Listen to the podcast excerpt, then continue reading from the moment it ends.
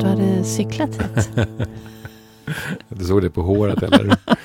Hur blåste? Ja, verkligen på att blåsa bort. Jo, men eh, när jag cyklade hit så, så eh, kom jag upp eh, på Vasagatan. Mm. Och det har ju varit liksom eh, ganska svårt att cykla på Vasagatan ganska lång tid. För att det har varit mycket byggnadsarbete. De har Mm. grävt hål var och varannan meter. Och rör och ledningar. Och man har fått eh, kryssa sig fram. Och ibland har det till och med varit lite farligt. Liksom, för man har delat eh, eh, väg med bilarna. Mm. Men nu var det klart. Så nu var det liksom breda, fina, raka cykelvägar. Eh, fanns inga problem alls mer än ett eventuellt eh, stoppljus Mm. Mm. längs med vägen. Och det gjorde att jag faktiskt åkte så långt rakt att jag åkte lite för långt. Ingen fara, jag kunde komma hit på, genom andra vägen också. Men, Mm. och då tänkte jag just på det här med eh, vägen. Mm. att, det, att, eh, att det fanns någonting av värde i det här med alla hålen i gatan och Mm. ibland fick man kliva av och leda cykeln runt. Eller, för då var man, på ett, jag kommer ihåg, under en period var man tvungen att leda, gå av cykeln och leda den därför att man eh, delade eh, trottoaren. Och då kunde man inte cykla liksom, såklart. Men att det finns någonting i, i de här eh, i det här umbärandet av, när, när det är lite mer komplicerat som gör att, att jag blir mer alert. Jag blir mer fokuserad och Uppmärksam, ja, mer jag. uppmä- mer upp- medveten närvarande. ja, precis. Mm. Eh, att, eh, att jag just tänkte på det när jag, sa, nej men jag cyklade ju förbi den gatan jag skulle ha Mm. cyklat, eh, som jag var så van. Mm. Därför nu fanns inga, inga hinder längre. Nej. Så jag, blir man ju nyfiken på vad var det i ditt huvud där när du cyklade bara utan att se eller höra vart du skulle, eller höra kanske, men vart du, vart du skulle svänga av. Minns du vad som... Nej, det, det gör jag inte mer än att... att eh, nej, jag, jag tänkte... Jag, jag noterade, jag var verkligen uppmärksamma på att, att, det Mm. var, att det var klart. Mm, Och att det var så rakt. mm, Eh, och eh, att det är någonting... Eh, ja, det, det finns någonting tacksamt med det såklart. Och att det också finns någonting lite tråkigt mm, med de här Mm. raka mm. Vägarna. Alltså jag var ju ute och övningskörde igår med min äldsta son, Mm. Didrik. Och då kan jag säga att då hade man ju önskat lite mer raka vägar. Ja. Herregud vad det byggs Ja, runt om i, i stan nu. ja. Alltså det är inte många meter man kör utan att det är byggarbeten eller det är Nej. stopp. Eller helt plötsligt det som var en rondell är inte längre en rondell. Det är någonting annat här. okej. Och jag som kör på GPS konstant. Det är, en, det är en del av mitt liv som inte kan höger eller vänster eller norr eller söder. Utan jag, jag följer det de säger på GPSen. Ja. Och det är när det ständigt är inte som det står. Eller det rösten säger på GPSen. Ja, ja. Då blir det förvirrat i min värld. Och så var det igår. Det var, det var ständiga stanna upp och försöka förstå vart är vi, vart ska vi, Okej. vad är det som händer här. Nu kommer en bil från ett helt annat håll än vad Ja. vi hade tänkt oss. Ja. Och sådär. Var hamnade ni då? Eh, vi hamnade i Barkarby Outlet. Det finns Ja. någonting som heter. Ja, E18. Då åkte ni E18. Gjorde vi? Ja, dit åker jag när jag åker ut till mitt eh, paradis. Hacksta. Ah, vi åkte via Råcksta. Ja, Så först ut mot Vällingby. okej. Småvägarna. Ja, precis. Och sen så Råcksta. Och sen åkte vi nog hem då. E18. Ja, Alltså, där med, alltså när de säger så här, åk E4 söderut. ja. Jag fattar ingenting. Jag vet inte vad det är. Nej. Eller E18 norröver. Nej. Nej. Säg Uppsala till mig, liksom. eller Södertälje. Ah, då fattar jag vart jag ska. ja. Ja. Ja, men oavsett, där hamnar vi i Barkarby. Då hade vi åkt länge eftersom det hela tiden tar stopp överallt. Mm. Och eh, min son då som övningskörde var ju relativt trött i luvan eftersom det var hela tiden konstant koncentration, även jag, eftersom jag inte fattade vilka vägar och vad man byggde och Men inte i början byggde. när man lär sig köra bil, Ja. jösses vad trött i huvudet man var. ja, Ja, det är en enorm Verkligen. koncentration. ja. Ja. I alla fall så sprang vi in där för jag behövde kissa och han ville ha kaffe. Någonting som kunde öka, bli lite pigg. Mm. Mm. alla fall så gick jag förbi en, en butik eh, på vägen till kaffet och så gick jag förbi en tröja som jag hade tänkt att jag behöver köpa en sån där tröja. Du vet när man är ute i skogen och vandrar, en Mm. liten varm tröja, för det börjar bli så kallt nu. Och så går jag förbi och så tittar jag på den där och sen så, ja, så tar vi det där kaffet och jag hittar en toalett och sådär. Och sen när vi är på väg tillbaka till bilen så ser jag att han har köpt den. Mm. Din son har köpt tröjan. Mm. Och jag bara, nej men det här går inte. Nej men så här kan vi inte ha det. Det här är, om, det här är fel ordning. Han Okej. är ju student, dåligt med pengar. Mamma har betydligt mer pengar. Mamma betalar. Det är, det är min logik. Ja. Så funkar det. Den som har pengar, den betalar. Mm. Den som inte har pengar betalar inte. Mm. Eh, så jag, nej, det här gick inte. Så jag skulle swisha och allt. Han bara, nej mamma. Det här är till dig. Mm. Det, här är, det här vill jag ge dig. Mm. Jag, vill, jag skulle vilja ge dig en tröja varje månad. Åh, Mm, då gav du dig. mm, då gav jag mig. Ja. Och så tänkte den där tröjan ska jag ha varje helg. Vad fint. Ja, Vilken fin gest av Didrik. väldigt, väldigt fint. Och, och det är så... Vad svårt det är ibland att ta emot. Ja. Så tänkte jag på efteråt, varför bara gav jag inte honom en jättestor kram från början och Ja. bara sa tack? Men så... eh, Vad beror det på då, tror du? Nej, men det har nog mycket med den där, för min del, och logiken. Den som har, ja. den betalar. Ja. Den är jättestark i mig. Eh, Och det är så viktigt att få ge och det är så viktigt att få ta emot. jag vet. Och jag tycker det alltid har varit mycket lättare att ge ja än att det. ta emot. Ja. Vad, hur, hur tycker du? Nej, men jag eh, tycker också det, eller har tyckt att det är så. Att det är lättare att, att ge. Eh, men jag har börjat lära mig liksom att kunna ta emot. Mm. Eh, för att jag någonstans eh, också har förstått liksom att, att av vikten av hur viktigt det är att jag tar emot. Ja, verkligen. Ja, det är och- också en gåva. Ja, just det. Det är verkligen en gåva. Mm. I, i dubbel mening. Liksom. Mm. Så att det, eh, och ännu mera kan jag tycka också från människor som eh, kanske har det svårare, mindre bemedlade eller Mm. något liknande. Eh, som har en annan situation. Hur viktig eh, en gåva då kan vara. Mm. Ja, Verkligen. fast det är knepigt. Ja. Man, vi hamnar ju lätt i skuld. Ja, jag har haft jättesvårt att ta emot. Ja. Just för att det uppstår någon slags transaktion i min hjärna. Jag var ganska gammal när jag slutade att räkna på min skuld. ja. Det, jag, när man umgås, i alla fall är det ofta så för mig när jag umgås med mina vänner, att det är alltid en som betalar när man är ute. Nästa gång betalar den andra. Det där jämnar ut Mm, sig. mm, mm. Liksom. Vi håller sällan på med kvitton Mm. och, och så. Eh, men min hjärna, mot min vilja, registrerar direkt när jag står i skuld. Inte det omvända. Exakt. Om, om jag har betalat mer, då känns det bara skönt. Mm, Usch, då känns det lättnad. Mm, mm, Allt är okej liksom. mm, Men så fort jag vet, och nu är det jag som ligger efter mm, här. Mm, Det är bara, det finns där mm, eh, i min hjärna. Vare sig jag vill eller inte. Det är faktiskt bara först de senaste åren som jag har slutat med det där. ja. Jag känner igen det där. Och det var inte viljestyrt på något sätt. Nej, Det bara gjordes automatiskt. Ja. Och jag tycker inte om att vara i skuld. nej. Men idag så, så ja, mot barnen skulle jag inte kunna det. Det skulle, ja, det Nej. skulle, vara, nej, det skulle vara jättejobbigt att Ja. känna att jag att de håller på att ge mig mer än vad jag ger tillbaka. Om vi nu pratar, pryl, vi pratar nu prylar och pengar. Ja, just det. Eller tid för den delen. Ja, det är också värdefullt. Ja. Men, om, men om du hamnar i en situation där du behöver ekonomisk hjälp och dina barn kan hjälpa dig. Det är klart att jag skulle ta emot. Det är klart att jag skulle det. Mm. Men eh, det skulle långt, alltså det skulle mycket till. Jag skulle vara i en svår situation. Mm. Då skulle jag ju självklart göra det. Mm.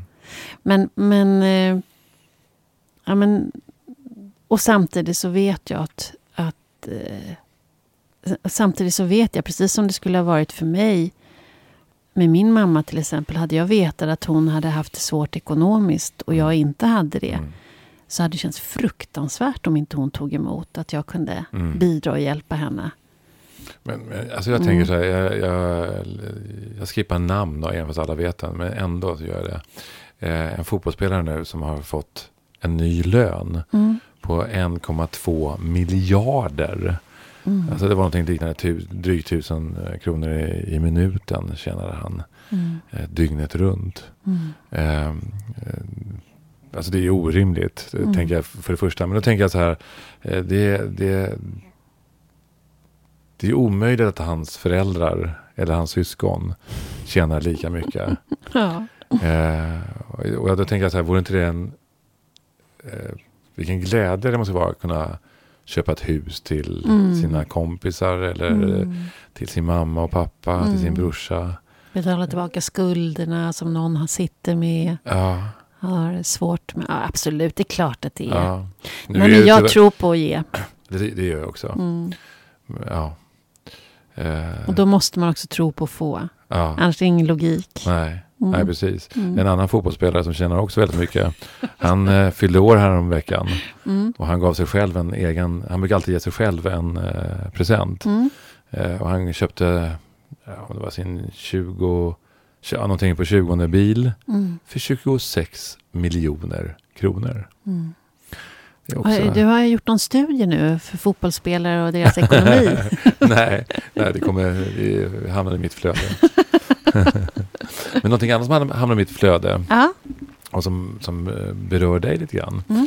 Eh, eh, det är att jag läste en, en artikel nu som gör gällande att vinterbad Mm. inte har några som helst eh, vetenskapliga effekter Mm. på hälsan. Mm.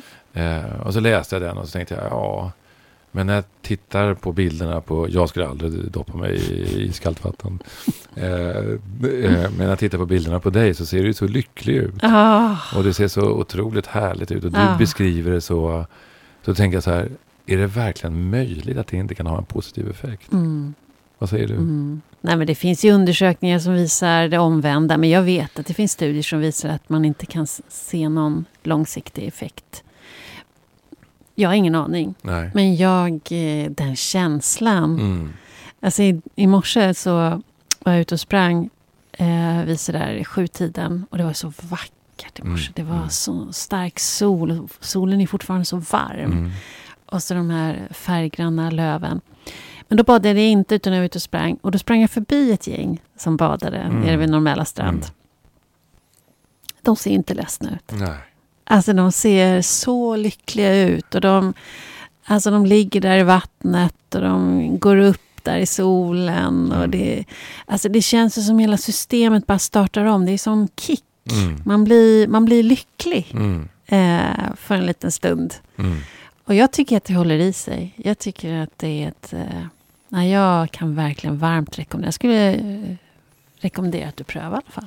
Alltså jag har ju prövat. Men jag tycker inte om kyla. Ja. Det Fast man blir ju inte... Det är det som är grejen. När du Ja. kommer upp så blir du ju jättevarm. ja, men jag måste ner i det kalla först. Och det ger mig panikkänslor. Ja, men den, slu, den, alltså, den tränar du ju bort. Ja, jag förstår. Ja. Är det okej med att träna på andra saker? Okej då. Okej, då. tack. Mm, mm. Du, vi har en gäst idag. Mm, vi har en eh, jättespännande gäst. Apropå forskning, inte minst. Ja, hon är ju forskare. Ja, Mm. Eh, från KI ja. är hon forskare. Men hon är så otroligt mycket annat än forskare. Hon är slagverkare. Hon är slagverkare med en master från Musikhögskolan. Hon är programmerare. Ja, Hon är författare. det är hon också. Hon är managementkonsult. Yes.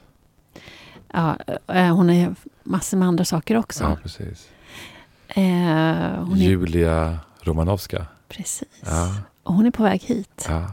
Ska, Ska man säga någonting mera om hennes, varför vi är så intresserade av henne? mm.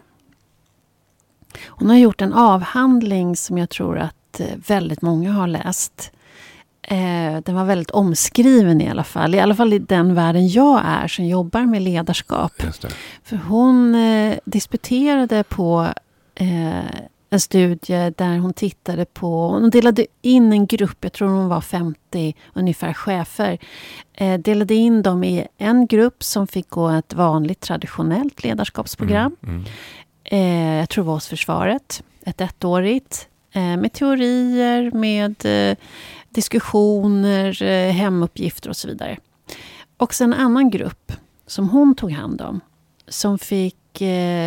Eh, hela programmet handlade om att utsättas för emotionella och estetiska uttryck. Eh, och, det, och så reflektera kring vad som hände med dem när de blev utsatta för det här. De här eh, deltagarna, de, man tog blodprov på dem före och efter. Eh, de fick reflektera eh, under hela året, eller under hela den här processen. Jag vet inte om det var exakt ett år. Eh, och man hade också intervjuer med chefernas medarbetare Mm. före, under och efter. För att kunna se vad blev resultatet. Det. Och det visade sig att de som hade gått ett traditionellt ledarskapsprogram, de upplevde sig själva bli skickligare. Men enligt blodvärdena då så blev de mer stressade. Och medarbetarna upplevde inte att de blev särskilt mycket bättre. Medan de som hade gått det här andra programmet, där som bara egentligen handlade om eh, estetiska eh, uttryck, eh, de visade sig, där blev stressen, gick stressen ner. Mm. Och medarbetarna upplevde dem tryggare och säkrare i sitt ledarskap. Men de själva upplevde att ledarskapet blev mer komplext och svårt. Just det. Mm. Och det här kallar hon för Chipolet-effekten. Ja, precis. Precis, jag har skrivit en bok som är väldigt intressant. Ja, boken är ju eh, en sammanställning utav avhandlingen. Mm. Mm. Ska vi öppna dörren Nu är och det släppa in verkligen dags. Nu är det dags. Mm.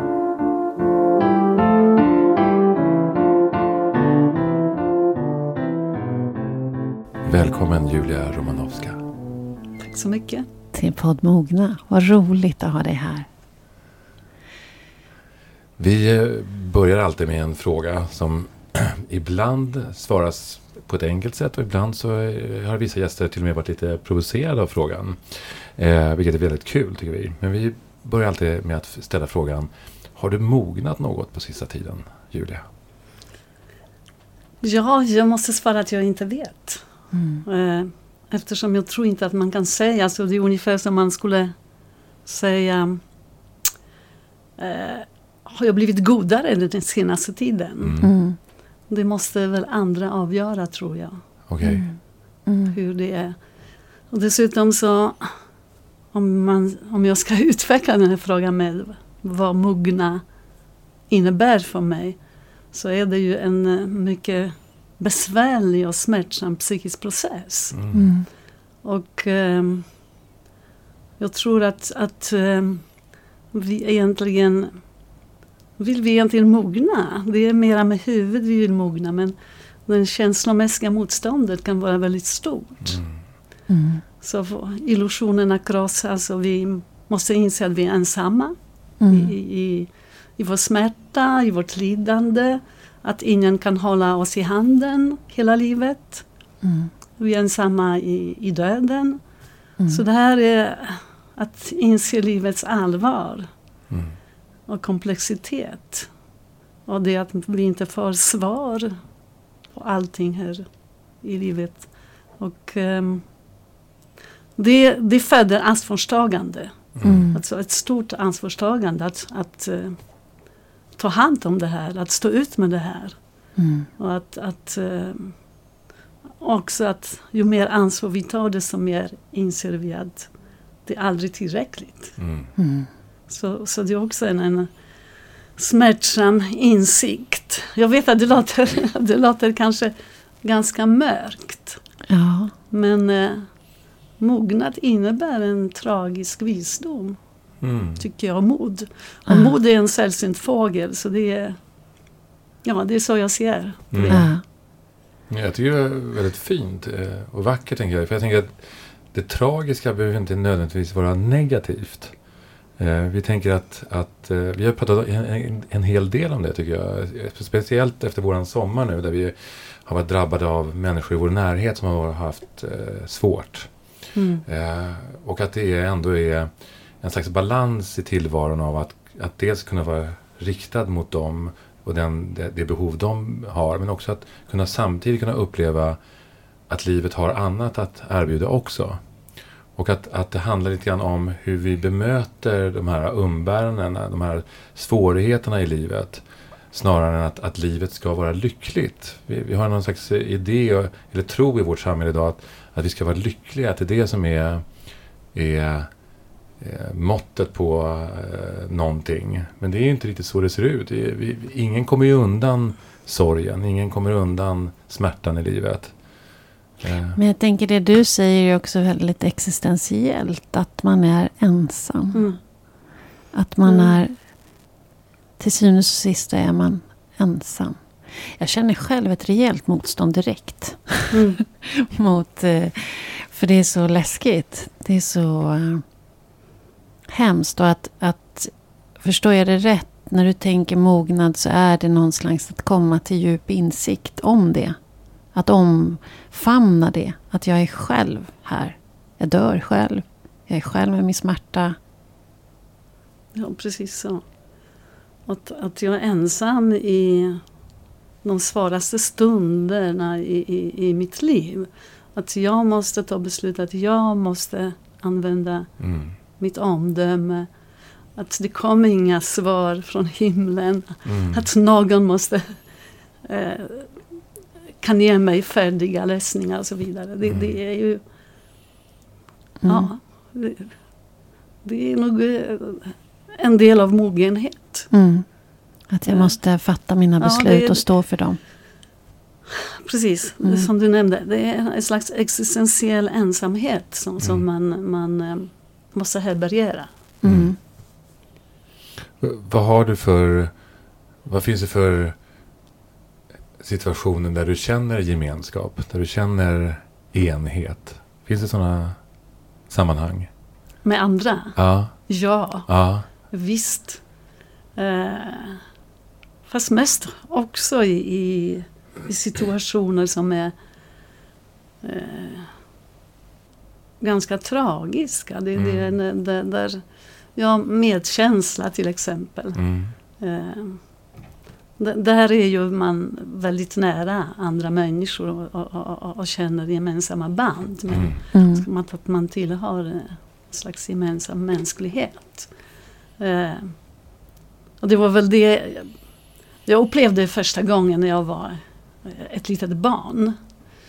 Jag beskriver det här i boken. Mm. Eh, så, eh, och det var en, en överväldigande känsla just av det här att, att, att känna band, att försöka Alltså jag kan, ska berätta väldigt kort vad det mm, handlade om mm. Eh, eftersom jag nämner det. Så jag, jag var kanske sju, sex, sju år gammal. Och, eh, så jag, jag, kan se mig själv nu sitta i en mörk avlång korridor med, med örat eh, intryckt mot dörren och jag, jag lyssnar på min pappa som, som deklamerar för sina studenter. Och det är ett poem som handlar om en far som förlorar hela sin familj i pestpandemin. Och det här utspelar sig framför mina ögon, mina, genom min fantasi. Mm. Eh, alla hans sju barn dör efter en och till slut hans fru. Och jag minns hur jag överväldigades av de här enorma starka känslor och tappade mm. kontrollen. Och började gråta högt och blev upptäckt. Eh, ja, jag fick inte sitta där. Men dikten hade ju enorm verklighetseffekt på mig. Mm. Eh, kan man säga. Och sen, sen när jag blev vuxen och långt senare har jag förstått att det jag kände var ju den här medkänslan. Mm. Alltså jag ville verkligen lindra eh, faderns förtvivlan, lidande och återuppväcka de här barnen. Och, och det var så vackert beskrivet, solen sken och alltså, det var sådana kontraster i, i den här mm. enorma djupa förtvivlan. Och en sån konstnärlig upplevelse då eftersom det var ju, jag tror min första så här, medvetna i alla fall konstnärliga upplevelse. Har en väldigt motiverande kraft närmare oss. På det sättet, jag kom ju nära. Mm. Mm. Eh, de här människorna oberoende om det var på riktigt eller Mm. inte. Men det, Mm. det, det är... Eh, och där är också, på, på svar din fråga, är att eh, när man kommer nära människor på det sättet så bryr man sig ju lite mer om Mm. dem. För att Mm. det, det, det blir en konsekvens av, av, närheten. Och man, det blir någon slags etisk vändning den här Mm. Upplevelsen tar en etisk vändning kan man väl säga. Och man inser att allt är inte önskvärt i livet och att lidande är ont och att man vill lindra. Och man kanske ska göra någonting åt det där för att Mm. hindra det. Mm. Det var ungefär det som hände, tror jag, inom mig. Mm. Utan att jag liksom kunde medvetet beskriva Mm, det på det sättet. Ja. Mm. Mm. Och eh, jag tror att den här, det, det har ju gjort också att jag har eh, sökt mig hela livet till de här upplevelserna. Just av det mörka slaget. Mm. Ja. Och nu om jag För det säga lite om de här Shibboleth-föreställningar som jag eh, eh, ut, eh, har konstruerat. De är ju också i, i, det, i, i, i samma så att säga fält, i, Mm. har Mm. samma karaktär. Mm. Så den här, st- förstår jag rätt, så den här starka känslan när du är sju år gammal får höra hur berättelsen om hur han förlorar barn och fru, att det väcker en omtanke och en kärlek och en medkänsla Ja, alltså ehm, som gör att du kommer närmare. Att det är den känslan jag du skapar. kanske inte skulle använda ordet kärlek. Mm. Eh, f- eh, men det är förmodligen fråga om definition. Mm. Eh, men eh, det är en, en känsla av att vi alla är förbundna Mm. på något sätt. Mm. Och att det gör att det som hände angår mig. Ja. För att har man, klipper man det här Mm. Då kan jag ju sitta och, och, och betrakta saker och ting och säga det här angår inte mig. Det här Mm. är ingenting jag behöver bry mig om. Mm. Men sitter man ihop i ett system så, så blir man berörd. Ja, man... Eh, ja, man, om man... Om man, eh, eh, om man kommer åt Mm. eh, den andres eh, lidande eller, eller vad ska man säga, Ja. den, den andres verklig, inre verklighet. Mm. Ja. Jag tror det, det, det förpliktigar lite grann. Det, det, Mm. Vi dras in. Inte så att vi speglar oss. Jag tror inte det, man kan ju spegla sig också. Men Mm. det här, det, det här eh, inte handlar om att spegla sig och finna sig själv. Utan Mm. just att hitta den andra. Mm. Mm. Det är något som, jag menar det kan vara en, en verkligen en, någon slags eh, eh, uppenbarelse. Alltså, jag, Mm. jag, om jag hoppar nu, för att det är lite Mm. associativt samtal. Mm. Ja, jag hoppar det, det, jag kan säga att deltagarna, de här cheferna i min studie, de, eh, de har drabbats av den här eh, uppenbarelse, epifani av, Mm. av den andres ansikte som jag kallar det. Som Mm. jag kallar det. det är nämligen att de plötsligt har upptäckt Mm. någon utanför sig själva Mm. som Mm. väldigt stark. Inte bara genom de här föreställningarna men också genom att möta andra i samtal Mm. och förstå hur olika vi är. Alltså de säger, det är häpnadsväckande hur olika vi är. Så de skriker ut det här, det, det är liksom nästan i smärtan. Och, och, och det är väldigt intressant för att här handlar det om att man upptäcker den andres annorlundahet, alltså främlingskap. Mm. Och, det, och det här gör inte att man, att man får distans utan tvärtom det Kommer närmar dem till det Mm. andra. Så det, det, det här, det, vi ska försöka ta vara på att de andra är annorlunda. Mm. Och försöka inte reducera dem till oss själva, det är jätteviktigt. Mm. Att se. Eh, och, Mm. ja, så, så det, det, är- det är väl lite grann det här att, att man Mm. närhet innebär inte att man känner igen sig. Nej, Mm. Utan men man tar Eh, kanske mer att, ansvar. att man eh, ser någon annan i sin, i sin annorlundahet. Mm. Och då kan man närma sig. Annars om, om man ser bara sig själv då är det ingen närhet. Mm. Eller hur? Jag tänker på när jag skrev boken Manlighetskoden och intervjuade mä- bland annat Ruben då, men olika män på, om just manlighet och macho och machokultur och chefskap och sådär. Och gång på gång så sa de jag pratade med att de hade kommit på, och en del hade ju fyllt 60 när de hade kommit på att en- viktig beståndsdel i ledarskapet, och det, var, det här är deras ord, det var att sänka garden. Det var alltså att öppna upp. För det var först då den andra öppnade upp. Och det var först då det var möjligt att få människor med sig i den bemärkelsen att man verkligen fick att man var där man var istället för en massa pansar och, och skydd och, och så. Och det var då de kunde lösa problem tillsammans. Så jag tänker lite på att både göra sig själv synlig och se andra. Mm. Ja, intressant. Mm. Hur, din egen, jag tänker på din egen resa, din egen... För du har ju jobbat jättemycket med att påverka andras utveckling. Men hur har konst... På vilket sätt har konst påverkat din egen personliga utveckling utöver sjuårsupplevelsen där? Och jag kan inte kanske beskriva det som målmedvetet att det och det har hänt och det har påverkat mig till si och så och jag har utvecklat de och de förmågor. Eh, det tror jag faktiskt inte. Eh, däremot så tror jag att det, eh, det har hjälpt mig att eh, se världen. Alltså det, det, det, det har um,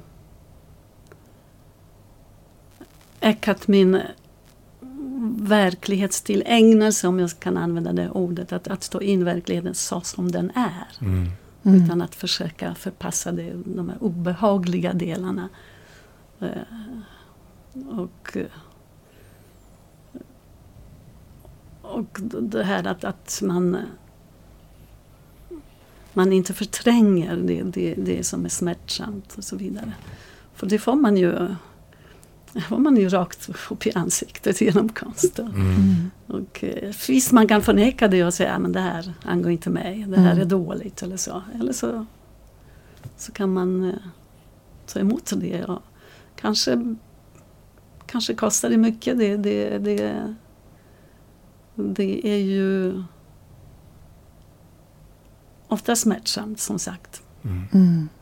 Mm. Tänker du att, att ehm, smärtan är mer till... Men det är också vackert vill jag bara ja, säga. precis, för det att jag ville komma. ja, det är också väldigt vackert. Ja, det, det, det finns ju, det är både och. Exakt. Eh, Det, det är en, en eh, Men är smärtan mer tillgänglig än glädjen?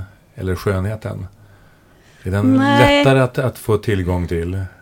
Nej, utan det blir... Om man, jag tänker mer att om, man bes, om jag beskriver det här så, så är det lätt att trivialisera om man, om man lyfter fram att det är så vackert och, och, och, och, och, så vidare. Eh,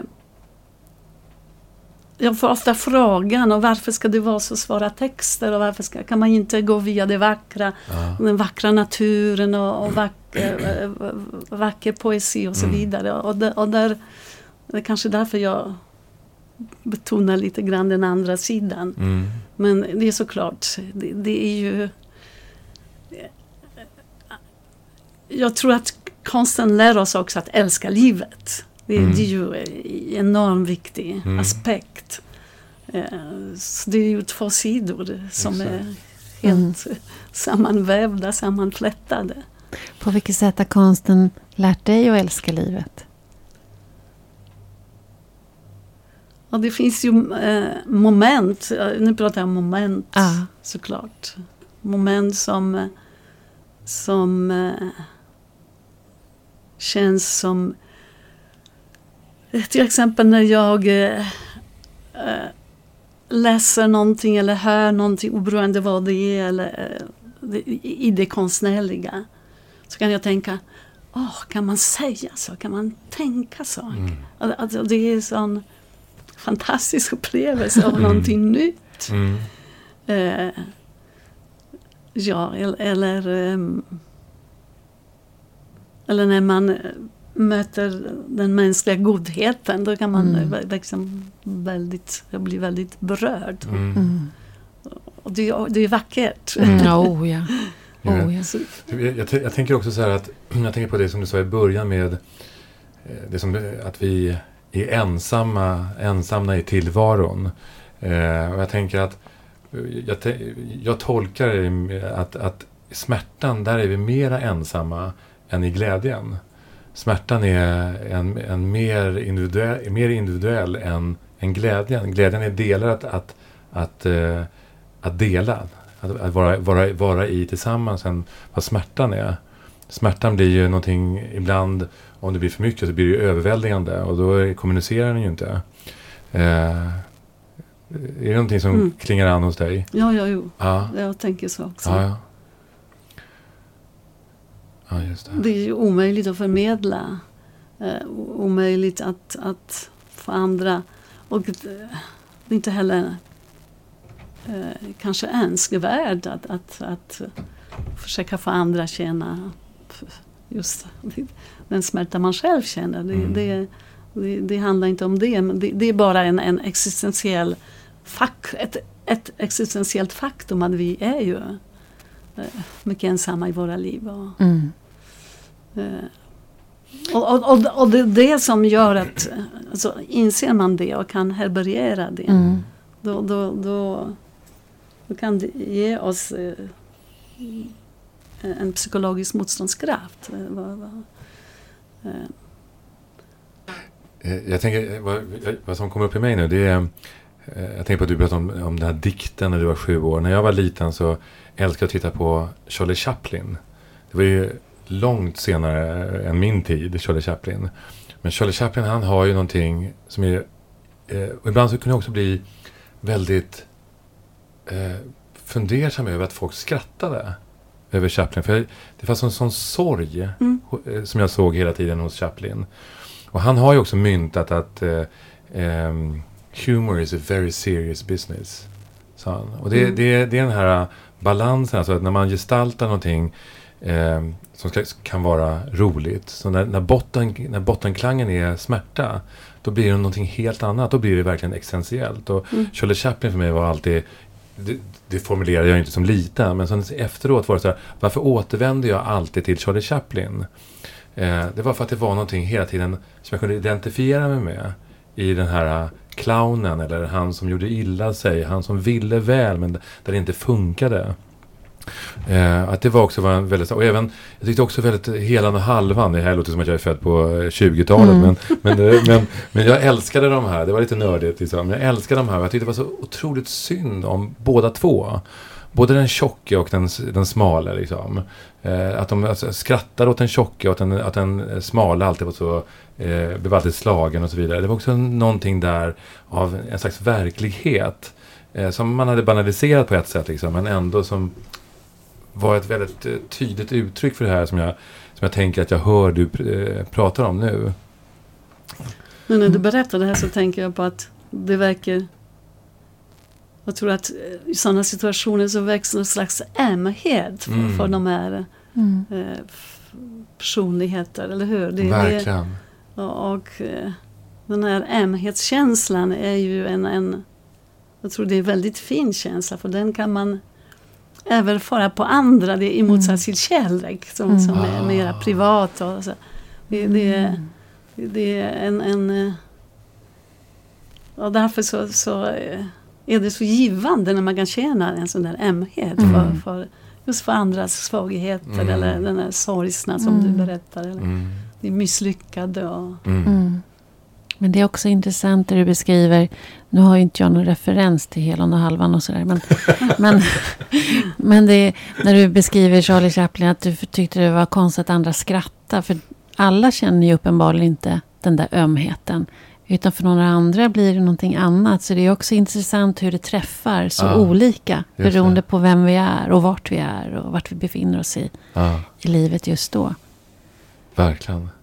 Mm. Och det kan också vara en, en skratt som är något slags resultat att man tränger bort det här. Det, Mm. Exakt. det, Man inte orkar mm, känna. ta in den här Mm. sorgsna och allvarliga i, i, Mm. i, Mm. i det här roliga budskapet. Ja, just Ja. det. Precis. Du Julia, du är ju nästan precis allt i din yrkesprofession. Eh, profession. alltså det går ju knappt att hitta något du inte är. Du är slagverkare, vi har nämnt det tidigare, programmerare, managementkonsult, doktor, medicindoktor. Ja, men, det finns ju inte någonting när jag läser om dig nästan. Och det är så intressant. Hur har det blivit så? Ja, jag vet inte men eftersom eh, ni ställde den frågan till mig så, så jag f- funderar lite och jag tror att jag är en eh, eller jag vet att jag är en sån där sorts kombinatör. Mm. Alltså jag gillar att, att kombinera, fläta samman och blanda saker, olika saker som är till synes oförenliga. Tror man då. Och eh, det här återspeglas också i mitt liv. Eh, det är inte alltid jag som, som initierade de olika förändringar och så, men jag har bott i olika länder. Eh, jag har studerat olika områden och jag har, som du nämnde, har haft olika yrken och några till. Mm, jag vet. Eh, men eh, det är, livet blir på något sätt som, som ett collage på det Mm. sättet. Och det är på gott och på ont för det, kan, det skaver ibland och, och, och det blir inte så målmedvetet. Att, att Mm. Eh, försöka uppnå någonting som man Mm. har Som är li- det blir inte linjärt. Ja, ja precis. Mm. Eh, men å andra sidan blir det inte likriktat och, och, och eh, förutbestämt. Så, så det, är- det ger, jag, jag känner att det ger mig en känsla av hemlöshet. Mm. Hemlöshet. Ja, Ja. Och, och särskilt eh, är det accentuerat i, i språket. Jag känner att jag inte riktigt är riktigt hemma i något av, av, av, av språket. Ja. Och, eh, jag har också svårt att svara på frågan vem jag är eller eh, Mm. vad jag gör. Det, Mm. det, det är också det är lite besvärligt. Ehm, men det samtidigt skapar en öppenhet och ger frihet. För att det, det blir ju... eh, eh, jag kan ju på något sätt... Det, det är också en annan aspekt som jag eh, tänker på att om man går över till någonting nytt så är man ny i det. Mm. Mm. Och då behöver man inte tänka invant Nej. och agera automatiskt på, på ett sätt som, Mm. som man är van vid. Så, så det, ger, det ger lite frihet. Men jag och ger, ger överraskningar. Mm. Ja, verkligen. Men jag tänker också att vi har ju...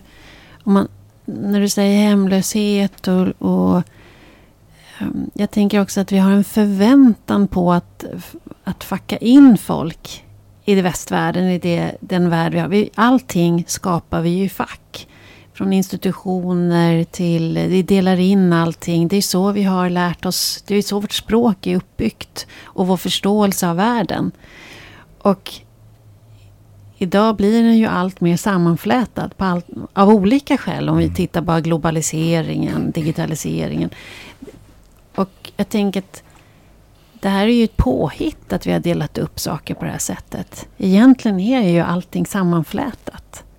Men vi har en förväntan på att allting ska vara i en viss ordning för att vi ska göra det begripligt. Så tänker jag. Men vi människor är ju inte sådana.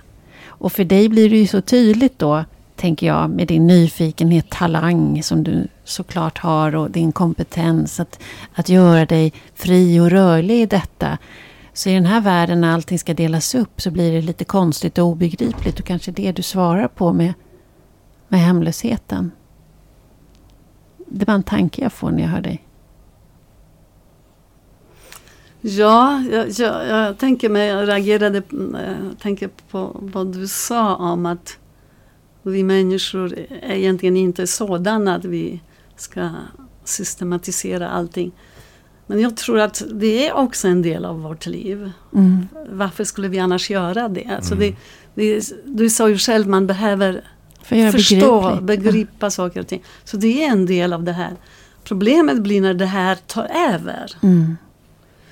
När det, när det stelnar och det cementeras och så vidare. Det är där problemet uppstår. Och, eh, vilket det ofta blir för att vi är helt enkelt antingen lata eller, eller bekväma. Eller vill bara vara effektiva och så vidare. Så det finns ju massa olika vi skäl. förenklar, vi förenklar Ja, ja. tillvaron genom att uh, fucka upp det på det sättet. Liksom, uh, dela upp Ja. det i, Ja. på det sättet. Och då blir det enklare att se tillvaron. Men också stängs vi ju inne. För jag, jag vet ju Just det. många som kämpar med att de är så mycket mer än kvinna.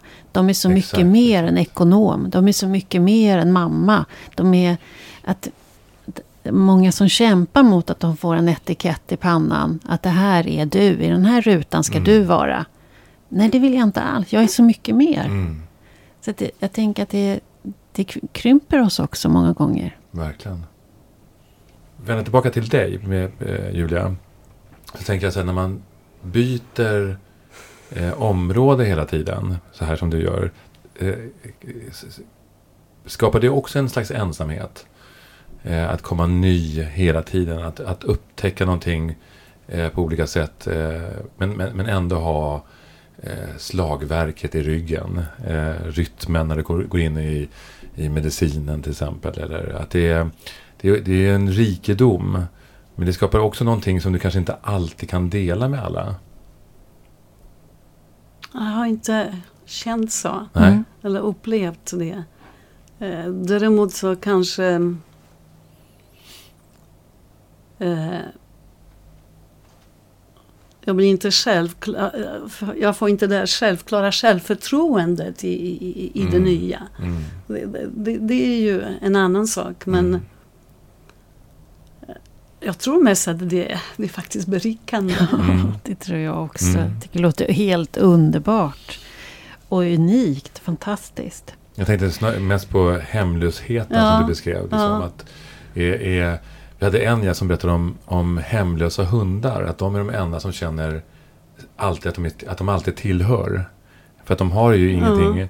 Men du, du beskrev att hemlösheten som nå- någonting annat. Jag, jämför inte det med en hund nu här. Utan, utan, men hemlösheten som sådan.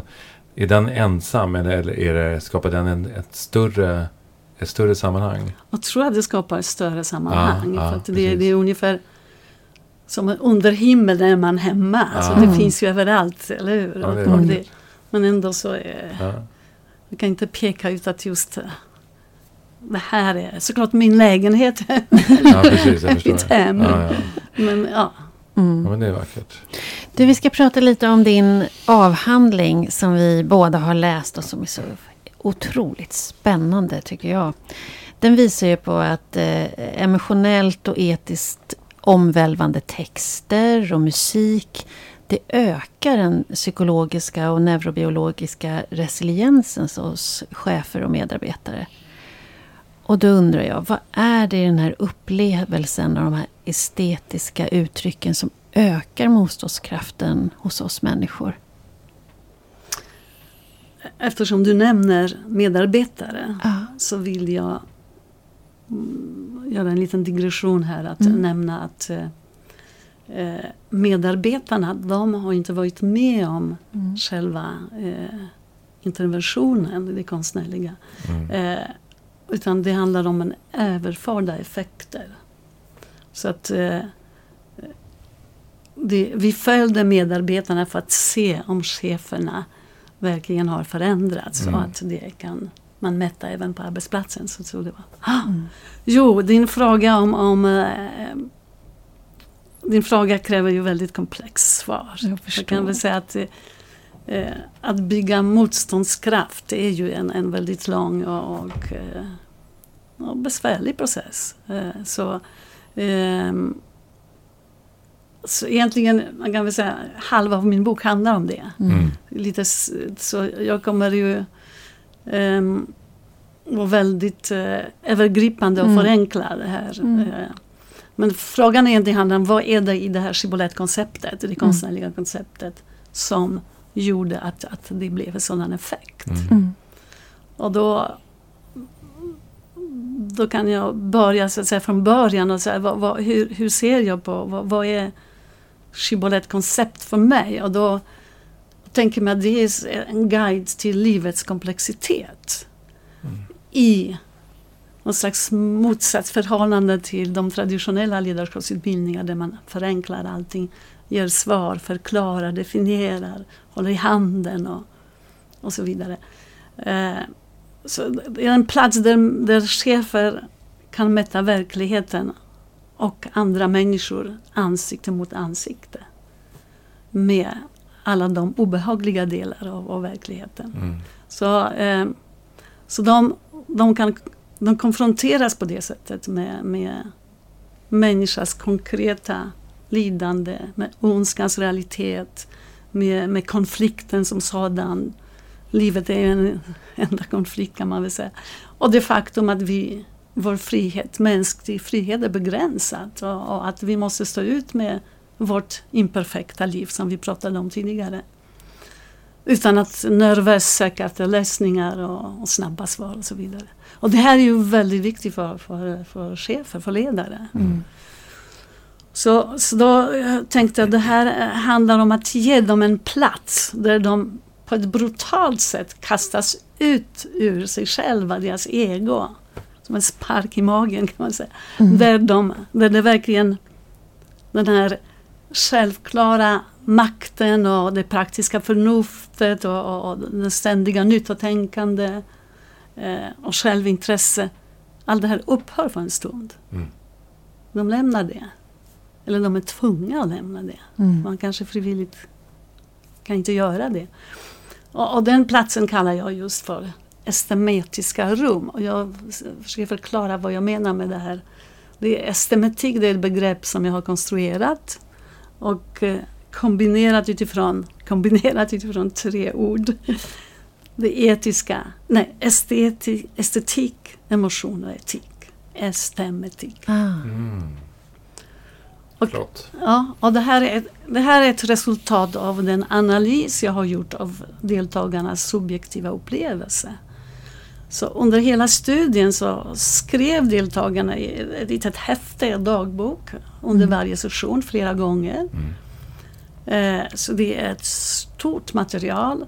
Sedan så, så diskuterade de och det är också antecknat.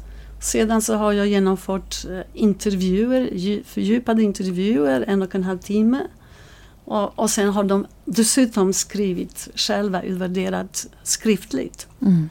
Så det, som ni ser det är ett enormt, Enormt. material Mm. som jag har analyserat med en fenomenologisk metod. Och eh, där kunde, kunde jag få tillgång till en unik eh, material som visar de psykologiska processerna inom varje chef Mm. som hände under tiden. Mm. Så, så det, det är... Eh, d- där kan man ju se hur de har utvecklat under resans gång Mm. det estemetiska förhållningssättet, alltså det här, de här tre dimensioner. Eh, det estetiska har med fantasin och föreställningsförmåga att göra och sen det emotionella, det etiska. Eh, för då blir det ju, då, då, man ser tydligt hur de eh, eh, genom fantasi kan, kan eh, den fantasin om dem som, som väcks av föreställningar den, den får väldigt stark emotionell respons. Och sedan tar en etisk vändning. Mm. Så, och, och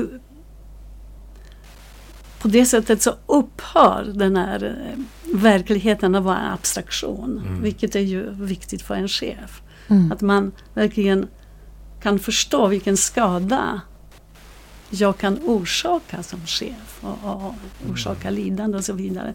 Så det, det, är, det blir ju en, em, en, en, en eh, process som, som är inte medveten. Mm. Mm. Men, men ändå kunde jag ju eh, följa det här. Och jag, eh, jag menar, det här handlade inte bara om, det är viktigt att säga, det handlar inte bara om att väcka reflektion hos chefer. utan också om att de har faktiskt utökat sina livserfarenheter. Mm. Mm. Kan man väl säga. Det är ju, jag menar, våra liv är begränsade i tid och rum, eller hur? Mm. Och, och, och konsten får oss att gå bortom de här Mm. egna erfarenheterna. Så trots den här symboliska formen så, så de känslor den konstnärliga framkallar är ju äkta och, och verkliga och kan till och med vara starkare än det Mm. verkliga livet. Så det, det är... Jag har... ehm, jag kan beskriva kort om, om, eh, om tiden räcker. eh, kanske citera lite grann vad, vad deltagarna själva har sagt. Men väldigt kort så var ju resan så att de, de konfrontation med, med Shibboleth var, var en slags stress eh, och chock för dem. Mhm. Och, och, och de tvingades lämna det här invanda logiska tänkande. Mm. Och, och måste associera på, på ett, tänka på annat sätt, associera oförutsägbart, använda sin fantasi. Och det, det gör att de tränade sitt estetiska sinne då. Mm. Och då plötsligt upptäcker man nya sidor. Eh, och, som man annars inte kommer i kontakt med i, i, i det verkliga livet. Sedan den här emotionella upplevelsen var ju väldigt stark och kraftig. Jag, kan citera, det gick inte att värja sig från texterna och musiken och de känslor det väckte. De känslor jag upplevt, de känslor det väckte har jag aldrig upplevt förut. Så Mm. använder de sådana här starka kroppsliga metaforer. Ni, får talat, ni har talat till mina nerver, mitt innersta. Det går i skelettet, molekylerna. Det sitter i Mm, ryggmärgen, i värdegrunden. Mm. Så ni ser, det är väldigt... Väldigt starka. Mm. Ja, precis. Mm. Ehm, och det väcker, det väcker sedan etisk reaktion. Mm. Eh, och de kan eh, illamående, mental våldtäkt, aldrig mer. Alltså det, det är Mm. motstånd till, till det här eftersom de tycker att de här frågorna inte angår dem. Mhm. Det, det, det gäller inte oss, inte i Sverige, inte nu och, och så vidare. Och så Mhm. vidare.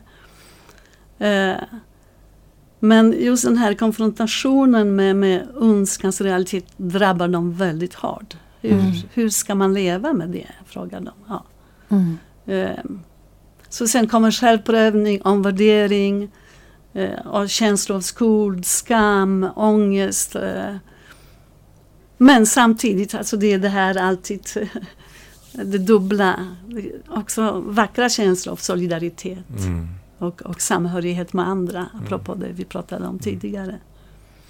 Och då, trots den här mörka innehållet, trots det här besvärliga så, så uttrycker de mycket djupa känslor av frihet, vördnad för livet, kärlek och, och förundran.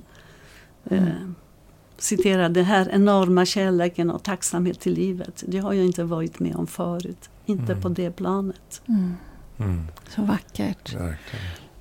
Och Men- det här, jag kan bara koppla till, alltså det, det här resulterar i det som jag kallar i boken ansvarets epifani. Mm. Att de eh, känner ansvar som de inte har känt förut. Ett Eh, ansvar för, för Ja, världen, för varandra, för... Jag, ja, låt mig citera. Jag känner ett ansvar mot mänskligheten jag inte upplevt förut. Mm. Att alla har ansvar i alla situationer. Det är någonting jag ser annorlunda på. Mitt ansvar som människa är större än den jag har som statstjänsteman. Om mitt uppdrag övergår till förtryck måste jag ha styrka att kliva av.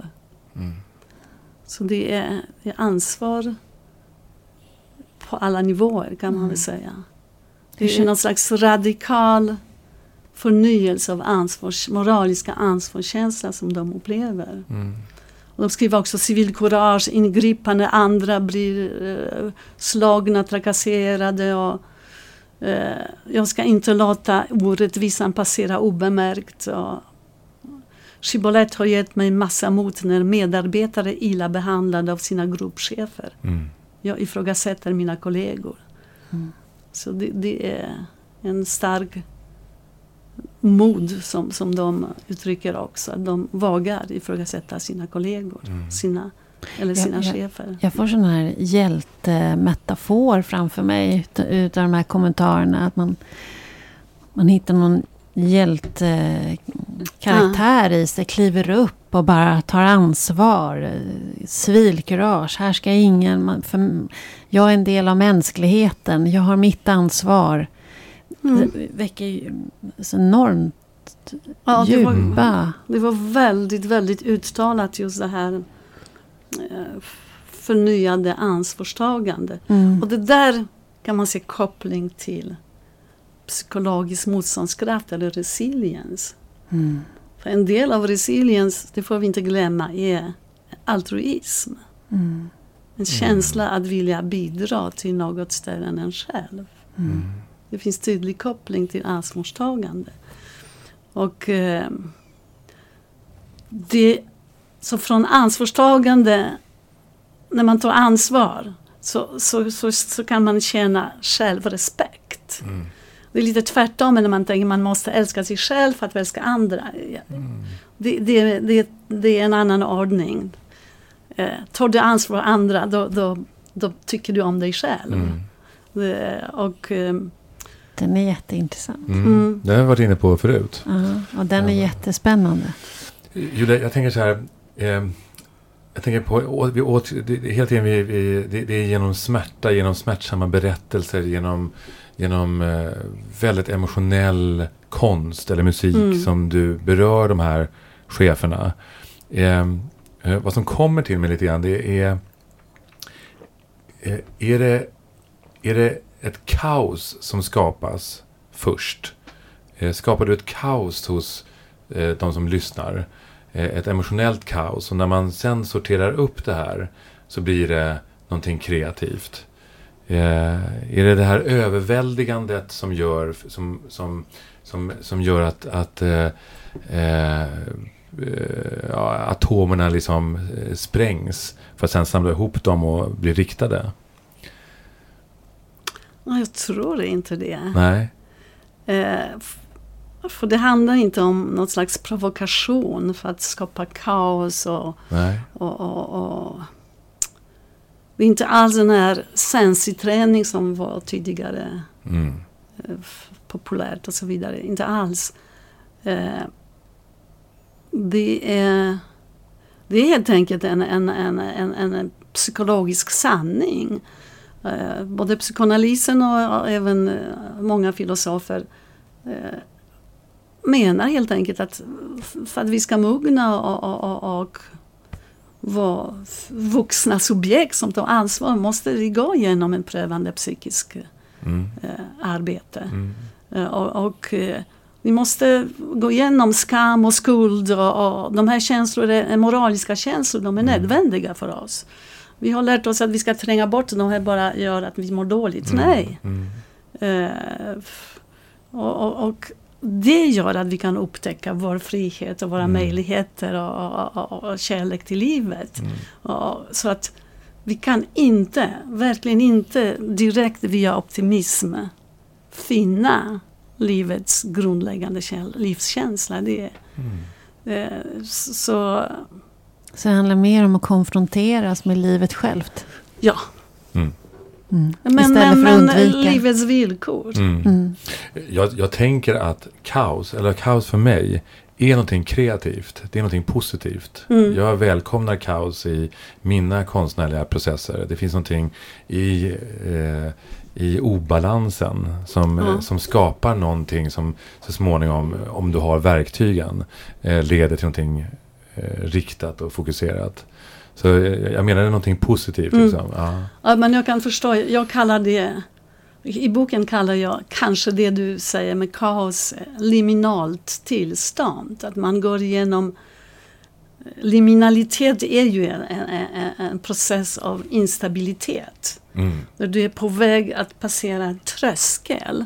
Du är fortfarande kvar i det gamla men på väg till det nya. Exakt. Och det föder ju, det föder ju kaos. Det, Mm. det, det, det föder ju stark känsla och Mm. instabilitet. Och, och eh, man vet inte vad som händer med en, att man är på väg. Och, eh, men det, och det är också, det, den, här, den här känslan är ju nödvändig för att öppna nya Mm. Mm. så, så, så rum för att, Mm. för, att, för att mogna. Mm.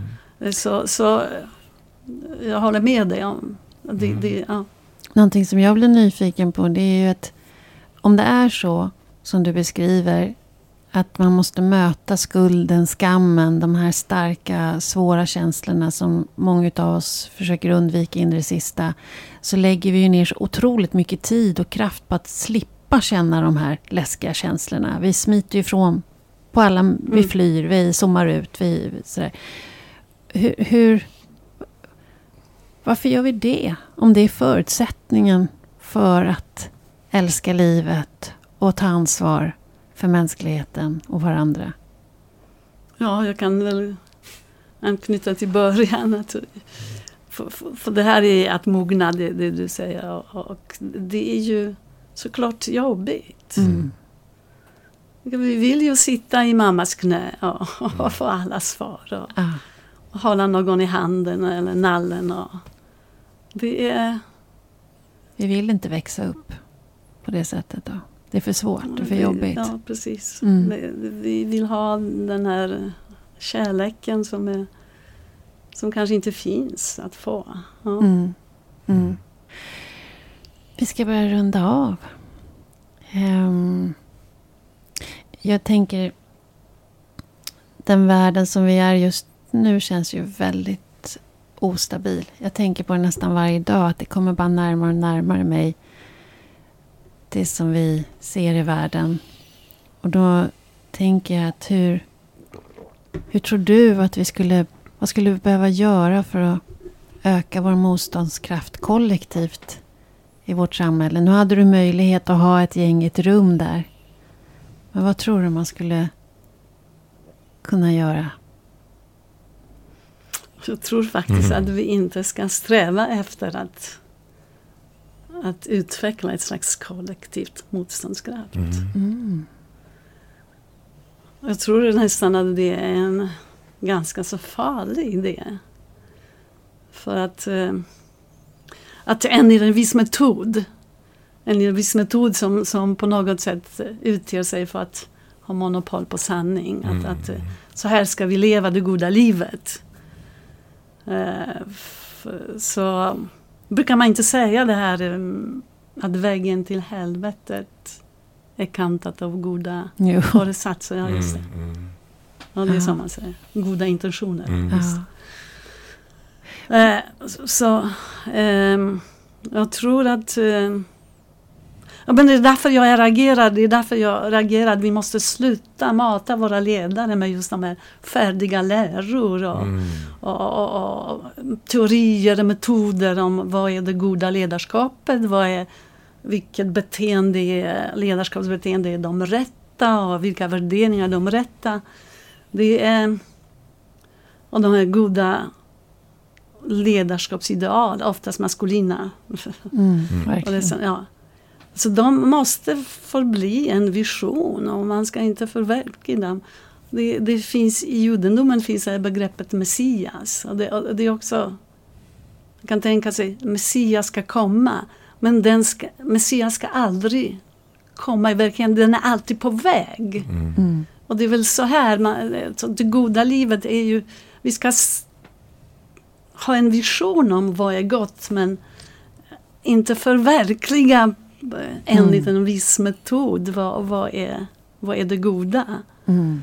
För att det går inte att bestämma teoretiskt. Nej. För det handlar om ett mänskligt liv och det mänskligt liv är ju ett sannolikhetsområde.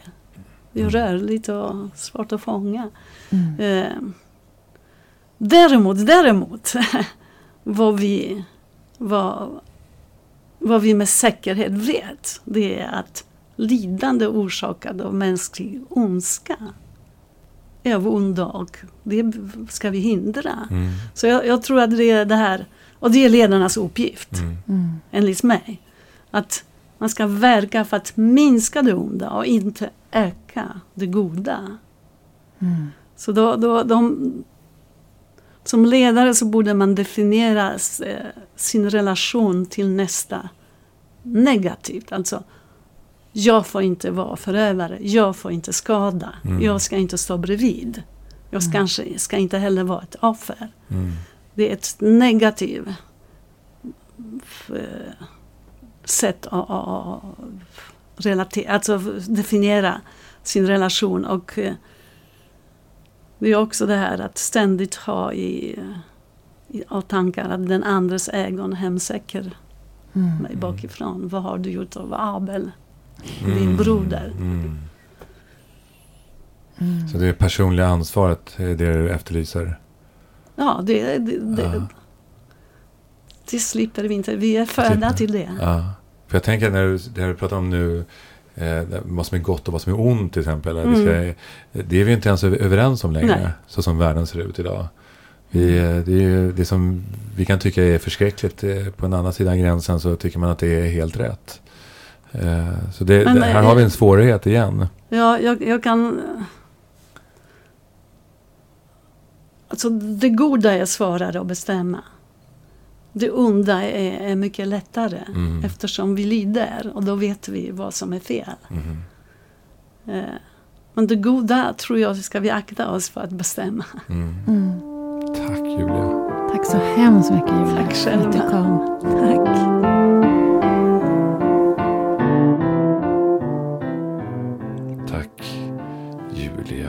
Romanovska. Tack Julia. Mm. Wow. Ja, jag är fortfarande helt tagen. Ja, vad, vad blev du tagen av? Och så mycket. Hon är så spännande. Man hade velat ha henne kvar här några timmar till och, och sen igen och igen. Ehm, Som är det- många av våra gäster faktiskt. Ja, det stämmer. Vi, vi sa ju faktiskt det till henne, om det var före eller efter samtalet, att, att eh, vi borde ha ett möte med några, så här, tre stycken gäster Mm. Mm. och, eh, från olika discipliner Mm. och ha ett, ett svängigt samtal till. Ja. ja, det har varit jätteintressant. Ja. Men hon... Det som första som kommer till mig, som jag stannade upp till vid en stund, det var ju den här känslan, eller det hon beskrev, att existentiell, om existentiell ensamhet, Mm. att vägen till mognad och varför det är så starkt motstånd att mogna, är att det kräver att du någonstans accepterar att du är ensam. Mm. Och att du är ensam med din ångest, upplevelse, skam, skuld och ska dö själv och allt det där. Och att någonstans hitta en acceptans och ta ansvar för det. Mm. Det är skitspännande. Mm. Det är otroligt spännande och för mig är det jättemycket som, som det väcks, som väcks i mig när jag hör det här. Eh, Jag tänker att, att det som du, hur, hur du sammanfattar det hela, eh, så tänker jag att det är starten på att förstå att vi inte är ensamma. Eh, Att det är dit vi måste för att kunna gå vidare. Mm. Jag tänker att vi lever i en separerad värld. Att vi lever i att vi är ensamma. Att det är väldigt mycket. Eh, rent, rent fysiskt så är det så att vi kommer ut ur våra mödrar. Liksom, och navelsträngen klipps. Och därmed blir vi ensamma. Och sen är det en lång strävan tillbaka. Eh, eh, och det här ställer till det för oss en del längs med vägen på olika sätt. Men jag tror att, accept, att, att vi accepterar ensamheten är, eh, tänker jag, ett steg, kanske första steget till att förstå att vi har en möjlighet att förenas. Mm. Jag tänker att det går att se ur så många olika perspektiv. Om man tänker från psykologin, där han pratar vi anknytning. Och har du en otrygg anknytning, då är du trygg när du är själv. Att, Mm. vara, Mm. att vara i sin egen existentiella ensamhet är ju snarare en trygghet. Det är ju läskigt att överhuvudtaget närma sig och vara beroende av andra. Mm. Om du inte är en gatuhund som Bengt Olsson eh, pratade om. Ja, just det. För då känner du dig hemma i eh, hela tiden, även Ja. när du är ensam. Ja, Ja. det är sant. Mm. Men jag tänker också på existentiell psykologi. Där pratar man ju om att man hela tiden är en del av systemet. Mm, mm. Att förstå dig själv, även inom filosofin. Alltså att förstå sig själv så måste du förstå systemet. Därför att allting hänger ihop som Just ett det. enda stor massa. Eh, och att, att det, du är inte en egen... Du är ingenting liksom, själv. Mhm. Utan du är bara en del av Mm. en större helhet. Mm. Eh, Så det- här går ju att se på så, mängd, så, så många olika sätt. Mm. Beroende från vilket utkikstorn du står och Ja. tittar på frågan. Ja. Men jag tycker att det är spännande att, att vara en stund i hennes förklaringsmodell. Ja. Att vara helt... Att du är... För att du ska mogna så behöver du ac- ha någon acceptans och vila i din egen skuld, din egen skam. Att, att våga vara och bli... Så som jag tolkade henne i alla fall. Ja, ja. Eh, kunna hantera den och ta ansvar för den. Men, betyder, Men också det här- Jag tänker då, att, betyder det att, att vi inte kan befria oss från skuld och skam? Är det någonting som hänger med hela livet? Ja, jag tänker att vi bär på nya skulder och skammar Ja, genom livet. ja. Men att vi, vi är, generellt så använder vi så mycket för att undvika att känna de där läskiga känslorna. Mm, Eh, mycket av det vi gör handlar om att undvika. mm. Vi, vi flyr, vi zoomar ut, vi, vi eh, dricker, vi gör Mm, något annat mm, för att slippa känna det här läskiga. Mm, Eh, och så som jag tolkade henne handlar det om att sluta undvika, att vara i det. Exakt. Det är en känsla som alla andra. Du känner skuld, du känner skam, du känner nyfikenhet, intresse. Men det, du behöver också vara i de svåra känslorna. Och stå för dem Ja. och ta ansvar för dem. Ja, Så tolkar jag det. ja. Nej, jag tror inte du blir befriad från. Precis som du inte ska bli befriad från några andra känslor heller. Nej, jag, jag tänker, alltså skuld, eh, tänker jag att eh, alltså både den materiella skulden om du tar ett lån på banken eller skulden om du begår ett, ett misstag, den uppstår ju hela tiden. Men skammen för mig är annorlunda. Och jag tycker att min skam blir mindre och mindre ju äldre jag blir. Mm. Jag tycker att den... Eh, Men pratar du om skam? Alltså skam kan man ju prata om att skämmas. Jag skäms för att jag gjorde bort mig. Jag var för plumpar ja, på fester. Eller, jag, eller som jag pratade om när jag, min son går ut och köper en fin tröja Ja. till mig. Och jag säger nej, det här ska jag betala. men känner, och då kan jag det, känna det kallar jag för skuld. Då känner du skuld, inte skam, tänker jag. Ja, men jag kan skämmas lite över att jag säger så istället för att bara tacka. Jaha, att du, att du Och säger så. Mm. Jag kan känna lite skam över Ja, det. det. Det. där inte, Ja. det där hade jag inte velat göra om jag gjorde om det. Nej, Då hade jag bara tagit upp stora famnen och, Ja. och visat hur glad och tacksam jag blev. Ja, men nästa gång Didrik ger dig en tröja så kommer du bara säga tack min älskade son. Men jag menar, jag menar alltså vi, det finns så må- många nivåer i skam. Ja, Och vi behöver ju ha ett samvete, vi behöver ju kunna skämmas när vi gör fel. ja, Om jag sparkar till dig nu så behöver jag ju liksom... Jag tycker inte det är fel att skämmas för det. mm, det jag, inget- jag, jag, är inte, jag är inte helt inne på det. Alltså, är, alltså att göra fel, det är mitt mellannamn. Så att det, det är inte det, men att, att jag ska behöva skämmas för att jag gör fel, det är en annan eh, grej tycker jag. Eh, där, jag. Jag tycker inte att jag ska behöva skämmas om det är omedvetna handlingar eller ett misstag be- begånget. Liksom. Eh, utan eh, eh, där handlar det om att, att jag måste ta mitt ansvar hela tiden. Och då Mm. för mig handlar det om en slags skuld snarare än att jag ska skämmas. Men vad tror du att skam... Varför har vi en känsla av skam? Vad tror du att den... Alla känslor är ju en information Ja, som ska det. hjälpa Ja. oss. Varför kommer skammen? Varför har vi en sån känsla? Alltså skammen, eh, alltså det, det, jag tror då, som du säger att den är, den är mångfacetterad. Den, den ser ut på olika sätt. Liksom. Och jag tror också att, det, att vi lever under en ganska stor del av kulturell skam. Mm. Att vi har massor med idéer om vad som, du ska skämmas för det här. Liksom. Mm. Nu gjorde du fel, skäms Mm. på dig. Mm. Eh, och det är ju förskräckligt tycker Mm. jag. Liksom. Eh, den skammen vill jag ta bort. Mm. Den Jag skammen. håller helt med. Ja, just det. Eh, och sen är det eh, existentiella bitar ibland. och det eh, kan jag också ibland uppleva. Och nu pratar jag om mig själv. Liksom, Att när jag upp, upplever mig själv som otillräcklig i något annat sammanhang så kan jag känna så kan jag skämmas. Liksom, att jag inte klarar av situationen bättre. Mm. Herregud, kan jag inte det här bättre fast jag är så här gammal? Mm. Eh, men idag så tycker jag att jag har kontakt med det. Och att jag också har eh, viss, vissa verktyg som jag kan ta till liksom för att Nej, men nu får du ta och stanna upp här och eh, titta över det här. Vad, vad är det som händer? Eh, och det är inte alltid att, att eh, den biten kan vara eh, formulerad eh, i första skeendet. Mm. Men för mig handlar det om att stanna upp i alla fall. Eh, och det är därför jag tänker att jag relaterar till ensamheten. Att det är ett ensamarbete på ett sätt. Det är det verkligen. Men det är någonting som förenar oss också. För vi delar det här tillsammans. Mm. Eh, Oh ja, vi, ja. vi alla. Men, men jag, jag, jag, jag håller med om att man kan använda skammen på otroligt hemska, manipulerande, härskande sätt Ja. som är vidriga. Ja. Det håller jag verkligen med om. och, och vi har, må- Många av oss har ju trauman kopplat till skam som vi måste kämpa med som Exakt, bara den, exakt. som är fruktansvärda. Verkligen. Men med det sagt så tänker jag att skammen också är en vägledare. Om jag kliver, jag, jag, menar, jag kan bara gå till mig själv om jag någon gång, vilket jag har gjort, och klivit upp på morgonen och varit sur och grinig och betett mig illa Mm. och springer iväg till jobbet för att jag är jättestressad så kan jag komma på på vägen, "Nej, det där var inte okej. Mm. Det var faktiskt inte okej. Mm.